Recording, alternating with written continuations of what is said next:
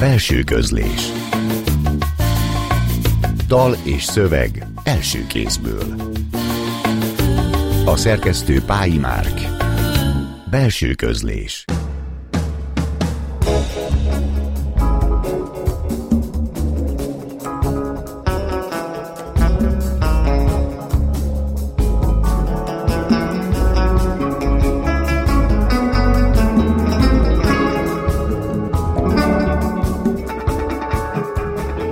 Jó estét kívánok! A Klubrádió zenés irodalmi műsorának mikrofonjánál Szegő János köszönti Önöket. Ebben a műsorban már megszokhatták, hogy hétről hétre egy írót vagy egy költőt látunk vendégül, aki felolvassa szövegeit, és magával hozza megmutatja azokat a zenéket is, melyek élete vagy pályája szempontjából meghatározóak voltak. Ma Balog Robert írót, költőt köszöntöm itt a stúdióban, és mielőtt még elkezdenénk vele a beszélgetést, hallgassuk is meg az első zeneszámot, amelyet ő hozott az adásba, a Kispár és a Borz Ágy Asztal TV című számát.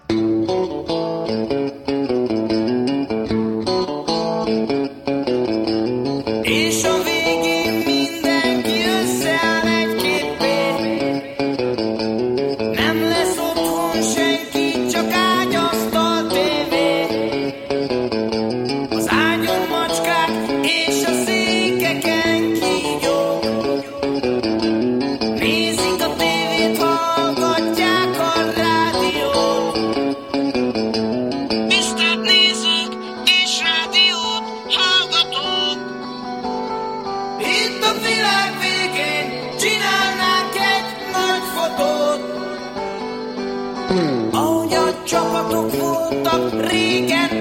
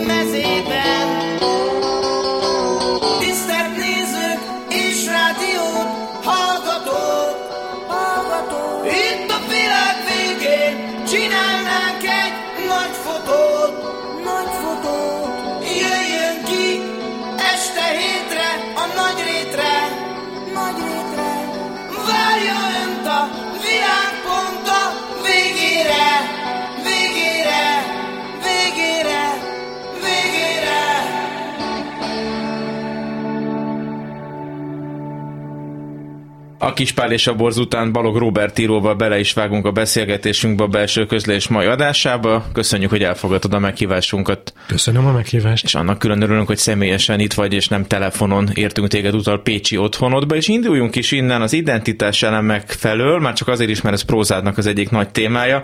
Te Pécsi vagy, vagy Baranyai Sváb vagy, illetve hogy ezek a részidentitások milyen kapcsolatban vannak egymással? Kiegészíti az egyik a másikat, megelőzi, felülírja, alulolvassa? Hogy is van ez?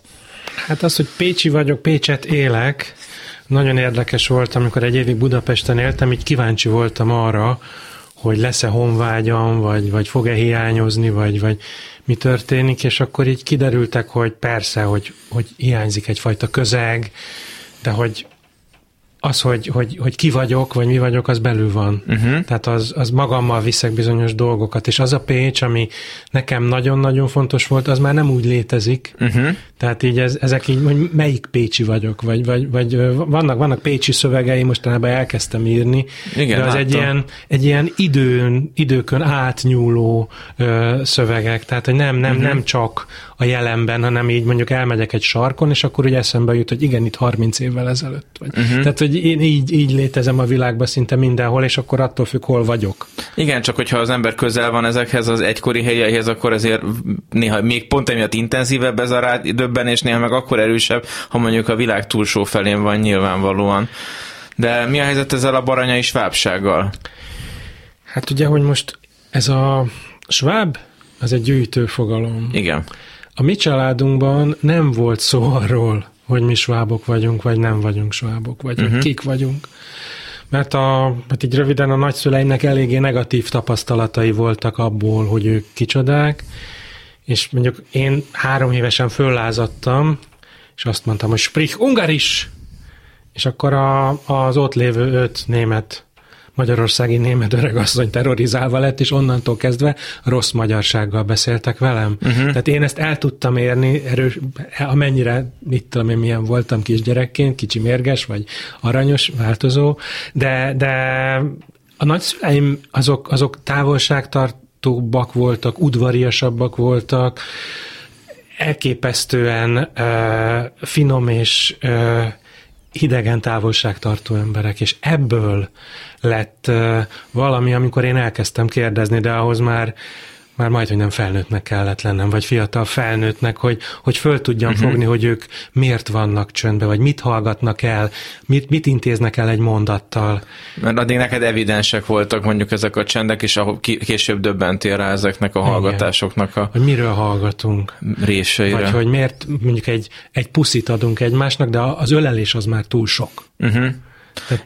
Érdekes, hogy elsőnek inkább ezeket a, hát nem is tudom, hogy negatív, de mindenképpen mondjuk tabukkal kapcsolatos dolgokat mondtad, és mondjuk nem jellegzetes ételeket, vagy dalokat, vagy ruhákat, vagy egyéb mindenféle dolgokat, amiket a svábsághoz akár köthetnénk is. A, az, is az is ilyen nagy, kiskoromban például egyszer bejött a nagymamám az iskolába, és hát én annyira először még úgy szégyeltem, hogy né, nem, népviseletben volt. Ugye, ha mennyi esze van egy embernek? Uh-huh. Tehát a nagymamám nem vetette le a népviseletet, ahogy a 60-as években a modern nizálás folyamán mondjuk a faluba, aki modernül öltözött, az azt jelentette, hogy nylon otthonkát hordott. Uh-huh. Nem, ő ugyanabban, és ugyanabban a kultúrában nevelkedett föl.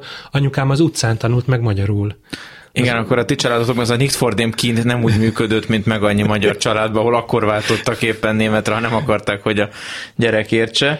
Hallgassuk is most meg az első zenét, a Kronos Quartet kongerejét, és utána folytassuk a beszélgetést Balog Roberttel.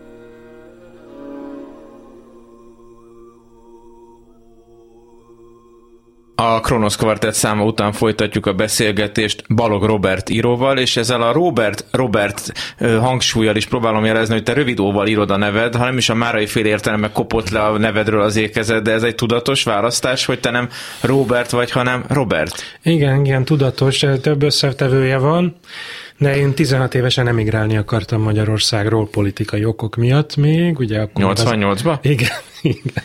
Nem, akkor még nem látszott, hogy vége lesz ennek a rendszernek, vagy én annyira nem láttam. Másik meg, hogy voltam egy, egy olyan sorozáson, ahol három vagy négy Balog Róbert is volt, és hát az én kamasz létemmel ez nem fért össze, de hát van író is, aki még valamilyen szinten meg jazzzenész, meg uh-huh. balettkoreográfus, meg mindenfajta ember van ezzel a névvel, és akkor én ezt találtam ki megkülönböztetésként. Mert azt hittem, ez is ezzel a többes identitással való játék, amire már az előbb próbáltam utalni. Igen, az identitás az egy nagy, nagy játék, még hogy visszakanyarodva, tehát anyukám se volt biztos, hogy ő most magyar, vagy német, és akkor én innen lettem az, hogy fogalmam sincs, hogy ki vagyok. Mely, melyik faluból származik egyébként a család, vagy több faluból? Véménd. Véménd. Véménd. Ez a, amiről én írok, az, uh-huh. az, az egy Véménd nevű, akkor 3000 lakosú gazdag német falu, most olyan 1500 lakosú, hátrányos helyzetű település. Itt is a változások, de akkor például a tükeséghez neked nincsen között, mert tükék azok a pécsiek, akik már több száz évre, vagy legalább száz évre visszamenően tőkével rendelkező pécsiek, ezt jól rakom össze? Jól, jól, jól, jól, semmi közöm De te már Pécset születtél. A Pécsi kórházban születtem, igen. Mint oly sokan. És akkor nézzük meg a pályád elejét. A pályád elején verses köteteid jelentek meg, helyi érdekű útvesztő, illetve egy hónap faun. A szójáték nem engem, hanem téged minősít. Hát, Első szerkesztedés talán mondhatni felfedező Barikároly költő volt, és mind a két kötetnek a címében már megjelenik a lokalitás, de miért versekkel kezdődött ez a pályád? Előbb kellett a nyelvet megtalálni, hogy utána lehessen a történeteknek már nyelve, illetve benned ez a líra epika dihotómia miképpen dőlt vagy dől el? Folyamatosan írtam verset és prózát is az elejétől fogva. Inkább költőnek éreztem magam, de nagyon-nagyon izgatott a próza egyre inkább, és akkor áttevődött a hangsúly, tehát most már csak akkor írok verset ma, amikor muszáj, és alapvetően prózába teszem bele. Kicsit néha vannak ilyen lirizáltabb részek is, de, de ja, hát így kerestem. A Barikárolytól kaptam egy levelet, amiről először azt hittem, hogy valami vicc. Igen? Igen, igen. Nem, nem ismertem uh-huh. személyesen, hanem olvasott a magyar műhelybe tőlem egy szöveget, és akkor, hogyha van még ilyen, akkor ebből csinálhatunk könyvet is. Nem akarok ezen a kisebbségi dolgon lovagolni, de nagyon érdekes, hogy egy mennyire más státuszú kisebbségi költő talált meg egy másik, ha tetszik, nemzetiségi, kisebbségi leendő írót költött. Lehet, hogy nincs ilyen összefüggés, de...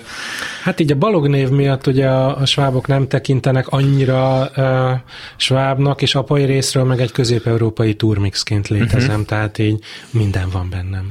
A Sombereken született, és nemrég elhunyt Kalász Márton, akiről maga szép nekrológot írta, szintén előbb volt költő, és utána lett regényíró. Ez egy párhuzam esetleg, nem tudom, neked föltűnte. Nagyon-nagyon tiszteltem Kalász Mártont, és ez tényleg nagyon jól esett tőle, amikor megjelent a Schwab Evangélium, akkor ő jött oda és bemutatkozott. Tehát ez ilyen zavarba ejtő volt.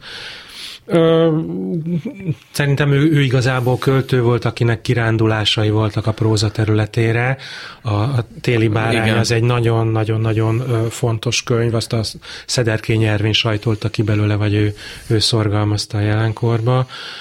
Hát szerintem teljesen más alkatok vagyunk, de hát Egyébként valóban... meg neked nem volt ilyen külső sajtolód, és majd ezt a Schwab trilógiát szeretném is közelebbről körüljárni, csak még egy rövid kérdés a következő zenőt. A muszáj az külső vagy belső muszáj a versírásnál? Tehát kapsz egy felkérést a regélő pesti írmondótól, vagy te úgy érzed, hogy most valamit versben kell megírni?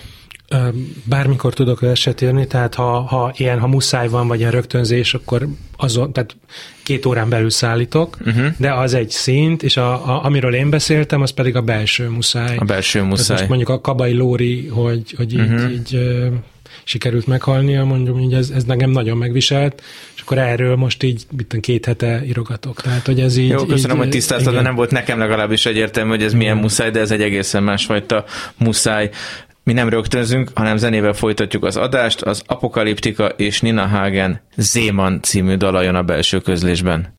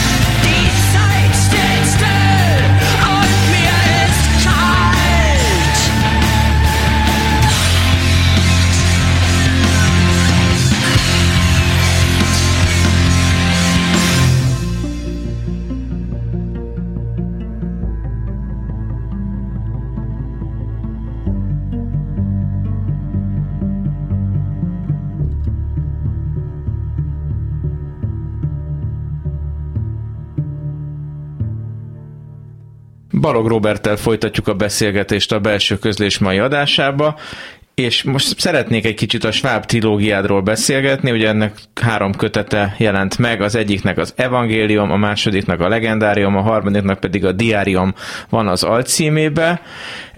Te eleve ebbe a szerkezetbe gondolkodtál, tehát egy nagyobb epikai struktúrába, vagy az egyik hozta magával a másikat? Hát amennyire egy 28-29 éves ember nagyobb epikai struktúrákban tud gondolkodni, annyira igen. Thomas Mann például már nagyobb epikai struktúrákban tudott gondolkodni. E, ak- akkor már kezdtem, kezdtem tudni.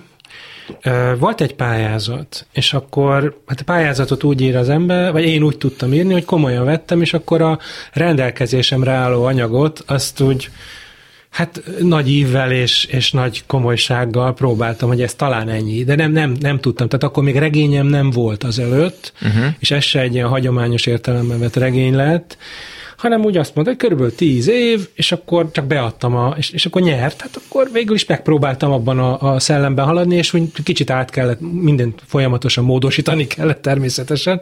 Az anyag sokkal erősebb volt, mint én gondoltam, mert eredetileg ilyen, ilyen Hölderlin párhuzamok lettek volna sokkal több benne, mm-hmm. így is van egy finom itt-ott, de hogy, hogy van egy olyan ősapám, aki Hát mondjuk azt, hogy nem, nem félbolond volt, de hát hogy ilyen falu bolondjaként is ö, szerintem számon tarthatták, aki például ott állt egy kútnál, és őrizte a kutat, hogy ne jönjenek onnan ki a gonoszok. Hát mélységes mély a múltnak kutya. Igen, igen. E, és akkor ehhez képest menet közben egy kicsit akkor változott az egésznek a szerkezete, a hangoltsága valahogy más? Meg én is változtam. Meg te is változtál. eredetileg nagyon jól mondtad a Thomas Mann, én egy Thomas Mann szintű, vagy olyan, olyan irányultságú uh, regényre vágytam, de olyan boldog voltam, amikor rájöttem száz oldal után, hogy ez nem megy. És azt kitöröltem, az katartikus élmény volt, és utána jöttem rá, hogy nekem más életem van, és hogy ebből, ezekből a dirib darabkákból is lehet építkezni, ilyen kis töredékekből, nekem nagyon fontos volt a német kora romantika, mint uh-huh. uh, irodalmi hatás, úgyhogy így ez, ez alapján mertem is.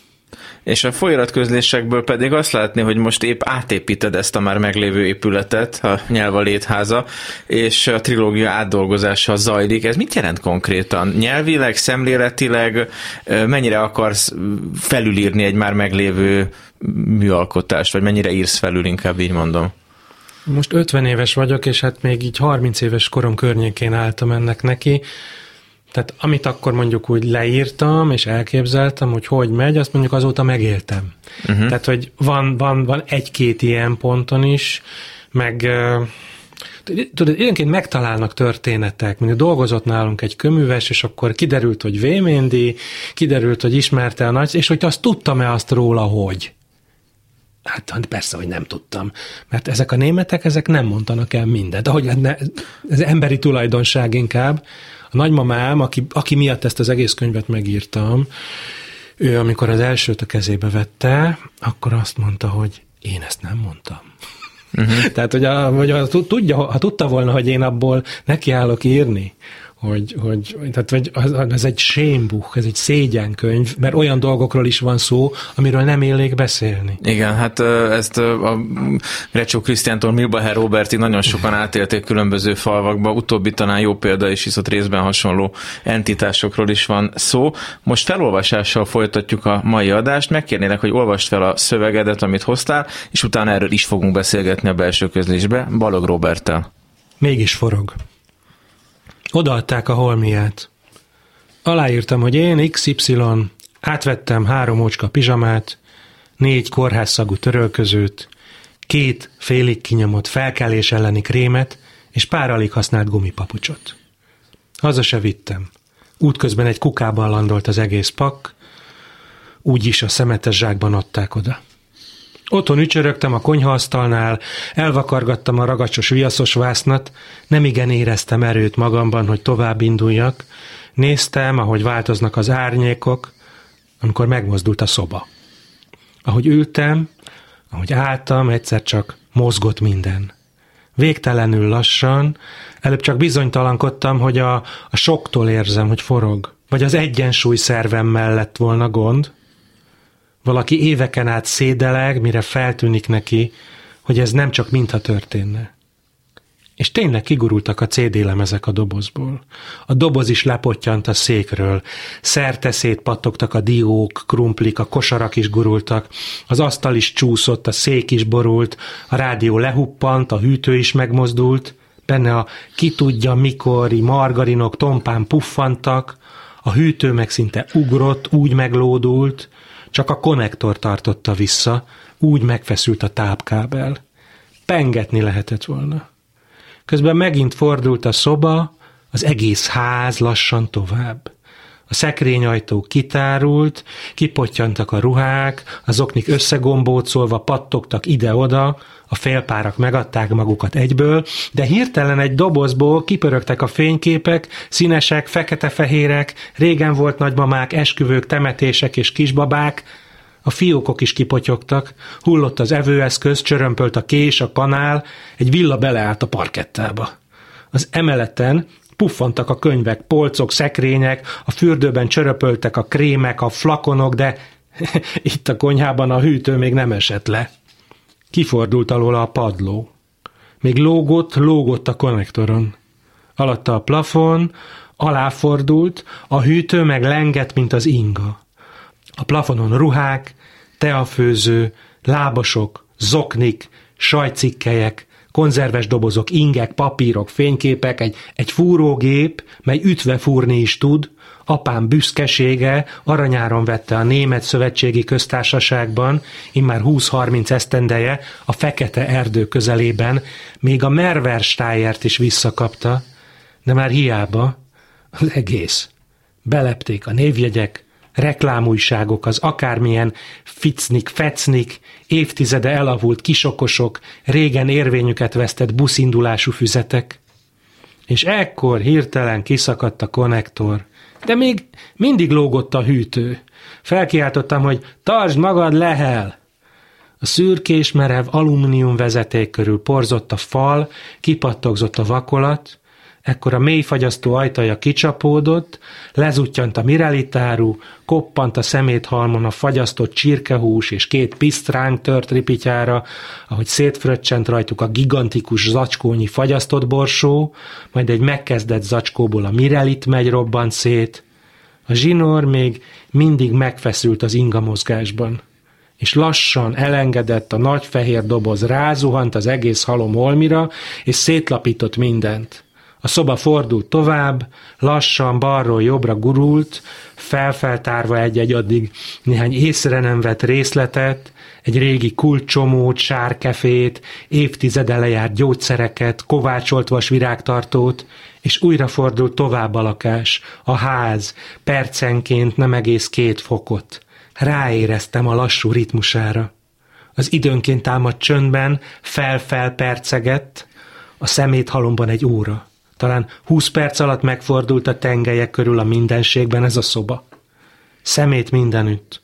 Olvadt a borsó, bűzlött a hal, nedves lett az újságpapír, véresen ropogtak a CD lemezek szilánkjai, vagy az csak a megylé? Ráléptem az életedre, apám, az életünkre. Kihajítottam a szemétbe a cuccaidat.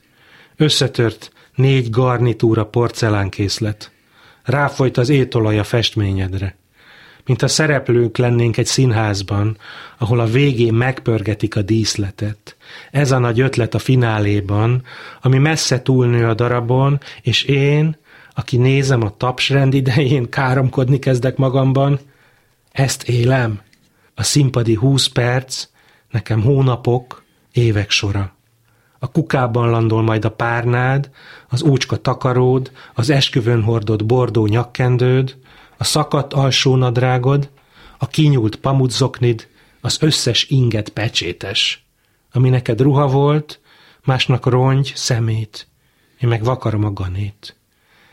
Nehezen birkozom meg a maradékkal, veled, velem, mi egymás.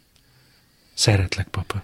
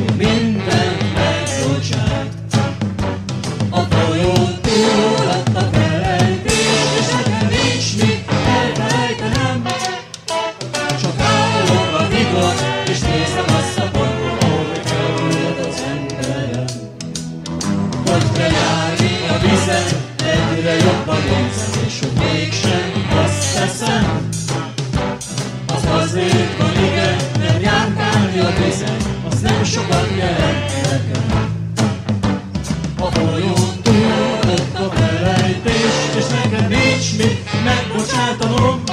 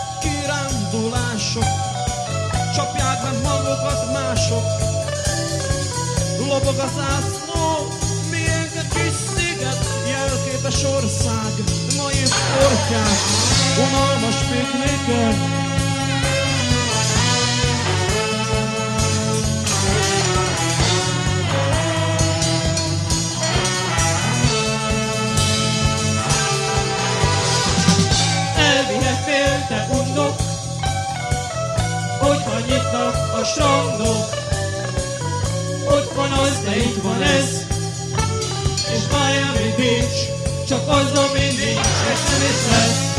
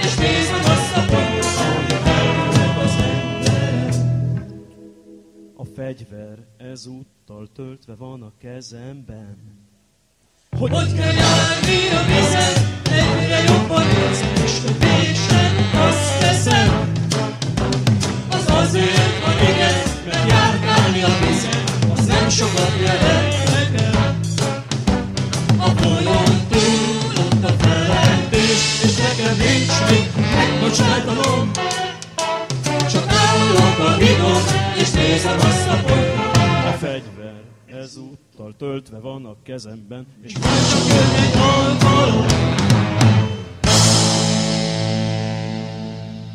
A Sziámi Hídon című számát hallottuk Balog Robert író választásában, ő a belső közlés mai adásának a vendége, a mikrofonát továbbra is Szegő Jánost hallják, és folytassuk az előbb hallott szövegrészlettel, amit felolvastam még a zene előtt.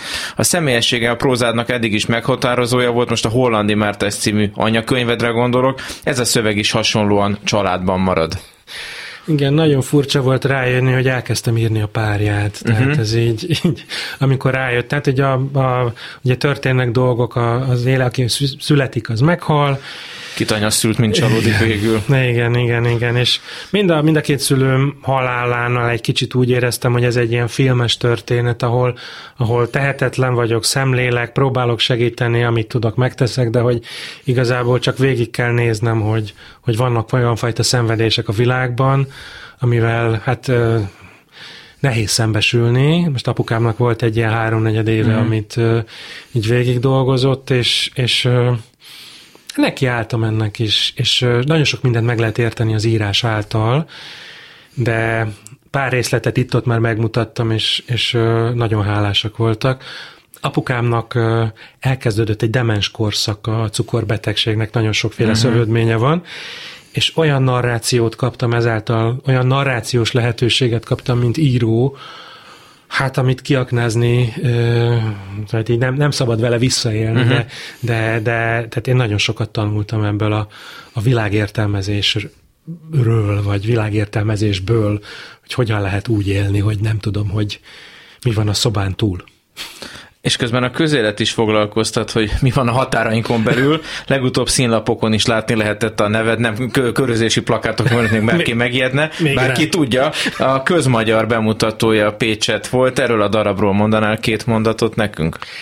Láttam egyszer egy olyan vírus videó, te, vírus videóként terjedő anyagot, amiben közéletről beszéltettek nagyon-nagyon egyszerű embereket, és hát kiröhögték őket, tehát igazából egy, egy gyalázata az egész, tehát megalázták ezeket az embereket, de ennek a, a lehetősége, mint egy műalkotás azonnal így bevillant, és akkor, amikor ez a harmadik színházban megkérdezték, hogy nincs kedvem egy darabot írni, mondtam, hogy van, és úgy alakult, hogy én is rendezhettem, és ezt, ezt a magyar választásra hegyeztem ki, hogy valami furcsa módon terheléses támadás történt a magyar választásnál, és akkor ott volt egy tévéstáb, és interjúkat készített egy külvárosi uh-huh. szavazó helységben lévő polgárokkal, akik hát nagyon egyszerű emberek is az alanyt és az állítmányt nem feltétlenül tudták egyeztetni. De közben népben és nemzetben is gondolkodsz, hisz a helyi pécsi kulturális életben is aktív szerepet játszol. Itt gondolhatok a terasz folyaratra, az ekhóra, vagy azokra a tárcáidra, szövegeidre, amik Pécsel kapcsolatosak. Hát olyan dolgokat ö, soroltál fel a tereszt és az echót, amik már sajnos meg, megszűntek, mind a kettőnek lehettem pár évig a főszerkesztője.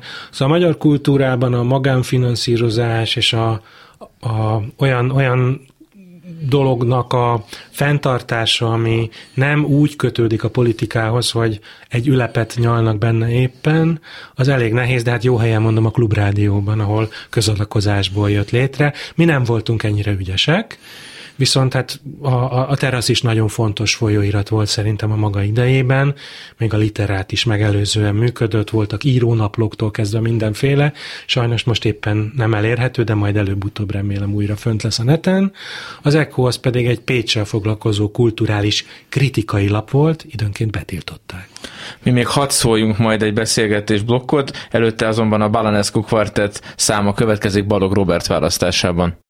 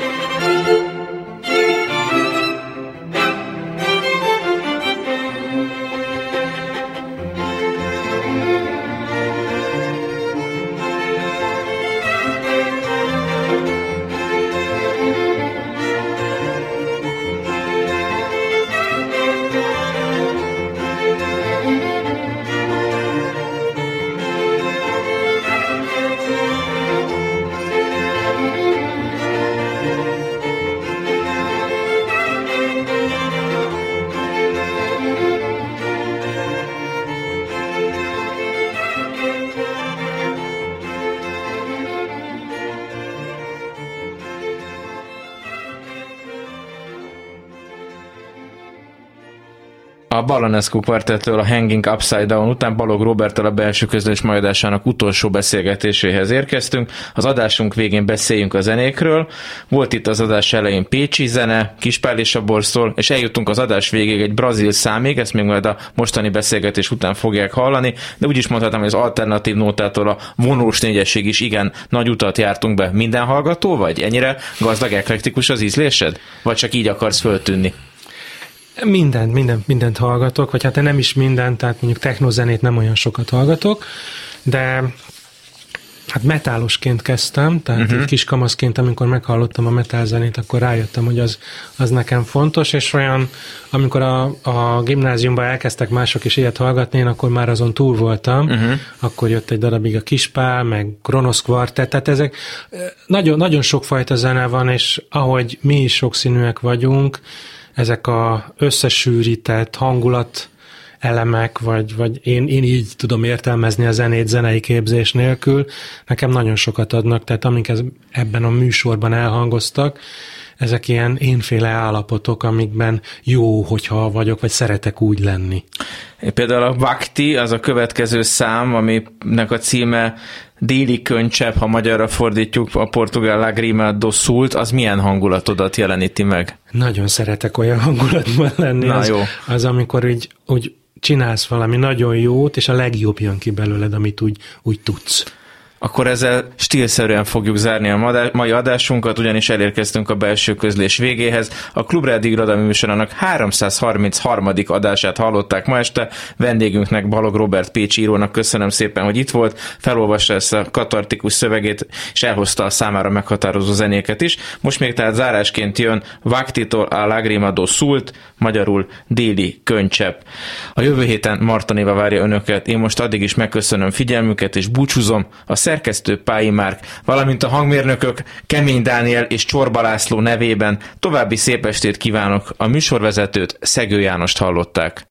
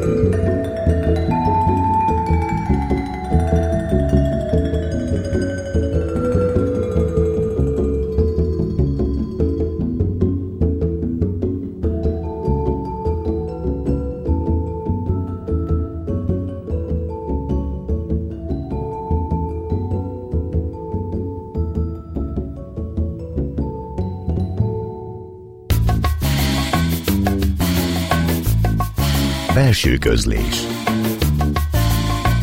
Dal és szöveg első kézből. A szerkesztő Pályi Márk. Belső közlés